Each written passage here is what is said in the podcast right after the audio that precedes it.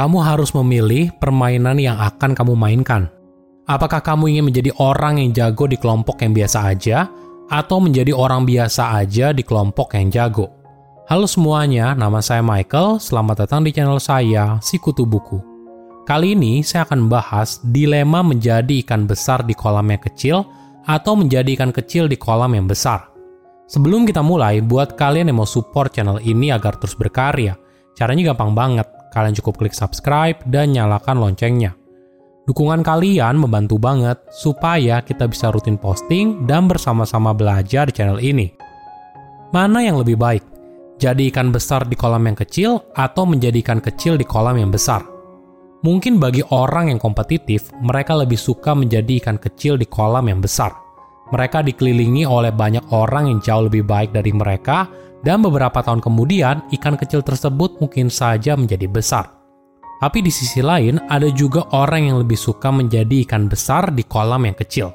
Bayangkan kamu bekerja bertahun-tahun di perusahaan besar dan jabatanmu tetap saja jadi manajer.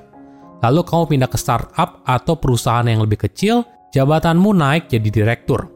Bagi orang tersebut, ada kepuasan tersendiri menjadi salah satu orang terpenting dalam perusahaan, menjadi bagian dari pengambil keputusan, dan dekat dengan puncak pimpinan. Ini adalah dinamika yang mungkin saja dialami oleh banyak orang, memilih jadi ikan besar di kolam yang kecil atau menjadi ikan kecil di kolam yang besar. Pertanyaan ikan besar di kolam kecil atau ikan kecil di kolam besar menjadi sangat menarik karena menunjukkan siapa diri kita, seberapa ambisius kita bagaimana kita mengukur nilai diri, dan juga apa yang kita harapkan pada diri kita di masa depan. Konsep ini sangat dikenal di kalangan pendidikan.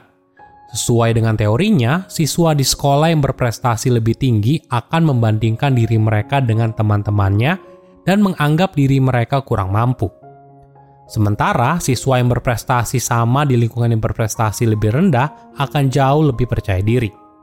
Teori ini pertama kali diperkenalkan oleh Herbert W. Mars dan John W. Parker pada tahun 1984. Contohnya begini, mungkin saja kamu selama ini menjadi juara satu di sekolah, tapi ketika kamu masuk perguruan tinggi yang bergengsi, mungkin saja kamu jadi mahasiswa biasa aja karena persaingannya berbeda.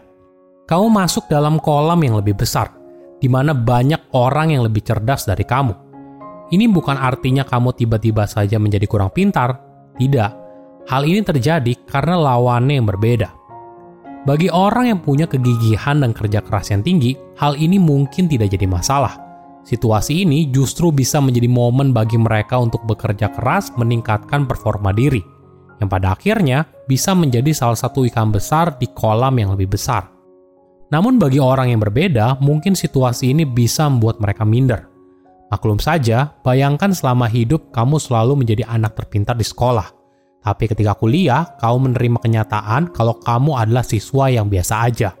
Kenyataan ini bisa mengoyak kepercayaan diri seorang. Jika kamu berada di situasi tersebut, kamu punya pilihan yang lain. Pilihan ini butuh kedewasaan untuk bisa mengambilnya.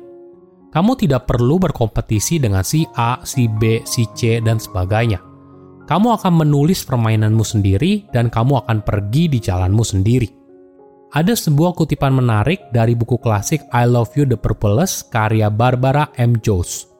Suatu hari, semua cucu dari si nenek bertanya, Nenek, apakah aku cucu tersayang kamu?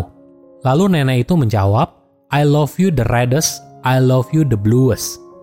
Artinya, nenek itu mencintai cucunya masing-masing dengan berbeda karena setiap cucu dari si nenek merupakan individu yang berbeda. Mungkin ini sudut pandang yang bisa kamu gunakan ketika berada dalam sebuah kompetisi. Kamu tidak perlu mengikuti apa yang sudah ada. Kamu bisa melakukan sesuatu dengan cara yang berbeda. Jika kamu bisa merangkul ide ini, mungkin saja kamu jadi merasa bebas, karena kamu tidak perlu lagi berkompetisi dengan orang lain. Kamu bisa mengerjakan apa yang kamu sukai, dan tentunya di area yang pastinya kamu lebih jago daripada yang lain. Ketika dihadapkan pada dua pilihan antara ikan besar di kolam kecil atau ikan kecil di kolam besar, mungkin jawabannya bisa sangat situasional. Mungkin salah satu pertimbangan yang bisa kamu pikirkan sebelum memilih, khususnya soal karir, adalah tingkat pengalaman. apakah kamu berada di tahap awal, di tengah, berada pada posisi senior, atau bahkan manajemen. Bagi mereka yang baru memulai karir, bekerja di perusahaan kecil membuat kamu belajar banyak hal. Dan biasanya kamu tidak hanya mengerjakan satu hal, tapi banyak hal lain. Tapi di sisi lain, CV kamu jadi kurang menjual. Sedangkan jika kamu bekerja di perusahaan besar, kamu merupakan bagian kecil dari sebuah sistem yang besar. Kamu belajar mengikuti sistem dan punya kesempatan untuk menjadi bagian dari sesuatu yang lebih besar. Di sisi lain, perusahaan besar biasanya memberikan kompensasi yang jauh lebih banyak, tunjangan, benefit, dan juga CV kamu lebih menarik untuk jenjang karir berikutnya. Nah, bagi kamu yang sudah bekerja cukup lama dengan pengalaman 10-20 tahun, fokusnya mungkin pada stabilitas dan peluang jangka panjang, yang mungkin diberikan oleh perusahaan yang lebih besar. Sebaliknya, bagi sebagian orang yang memiliki pengalaman yang sama, mereka mungkin memilih untuk mencari peluang naik jabatan pada posisi manajemen di perusahaan yang lebih kecil. Terakhir, bagi seorang yang sudah di posisi senior atau bahkan sudah mendekati masa pensiun, mengerjakan sesuatu yang familiar dan memiliki stabilitas di tempat kerja mungkin jauh lebih penting daripada aspek lainnya. Ada sebuah analogi yang menarik. Apakah kamu tahu seekor ikan mas? Ikan ini sering kali jadi peliharaan anak kecil, bisa kamu temukan di penjual ikan di kantong plastik. Tapi ada yang menarik dari ikan mas. Ikan ini tergolong sebagai indeterminate growers. Berbeda dengan anjing, kucing, atau hewan peliharaan umum lainnya, ikan mas tumbuh terus hingga mati. Jadi, ukuran mas akan terus membesar tergantung di mana habitatnya. Jika dia di akuarium kecil, maka ukurannya akan tetap kecil. Tapi apabila dibiarkan di kolam yang besar, maka ukurannya akan membesar.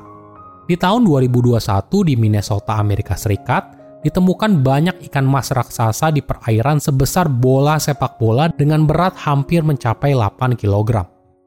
Bayangkan betapa besarnya jika dibandingkan dengan ikan mas yang ada di plastik. Oke, jadi apa pelajarannya? Kamu bisa bertumbuh sebesar ruangan yang kamu tempati. Tentu saja, sebagai manusia kita merupakan produk dari genetik. Tapi jangan lupa, kita juga dibentuk oleh lingkungan. Jadi kamu harus tahu kolam mana yang paling cocok buat kamu. Jika kamu adalah tipe orang yang termotivasi jika dikelilingi oleh orang-orang hebat dan membantu kamu jadi lebih baik, maka menjadi ikan kecil dalam kolam besar mungkin opsi yang lebih baik buat kamu. Sedangkan jika kamu merupakan tipe orang yang punya insecure yang tinggi atau lebih nyaman di posisi sekarang, mungkin kamu bisa memilih menjadi ikan besar dalam kolam yang kecil. Tidak ada yang salah dengan pilihan ini. Kamu tidak perlu menjadi pebisnis dengan ribuan cabang atau bekerja di perusahaan multinasional sebagai direktur. Kamu bisa saja hanya menjadi pemilik toko kecil atau menjadi direktur di perusahaan kecil. Menariknya lagi, banyak orang yang memilih jadi ikan besar di kolam kecil juga punya finansial yang mapan dan bahagia secara profesional. Kenapa? Karena mereka memilih kolam yang cocok. Karena tidak semua orang ingin jadi ikan mas yang bisa tumbuh terus-menerus. Silahkan komen di kolom komentar pelajaran apa yang kalian dapat ketika tahu informasi ini.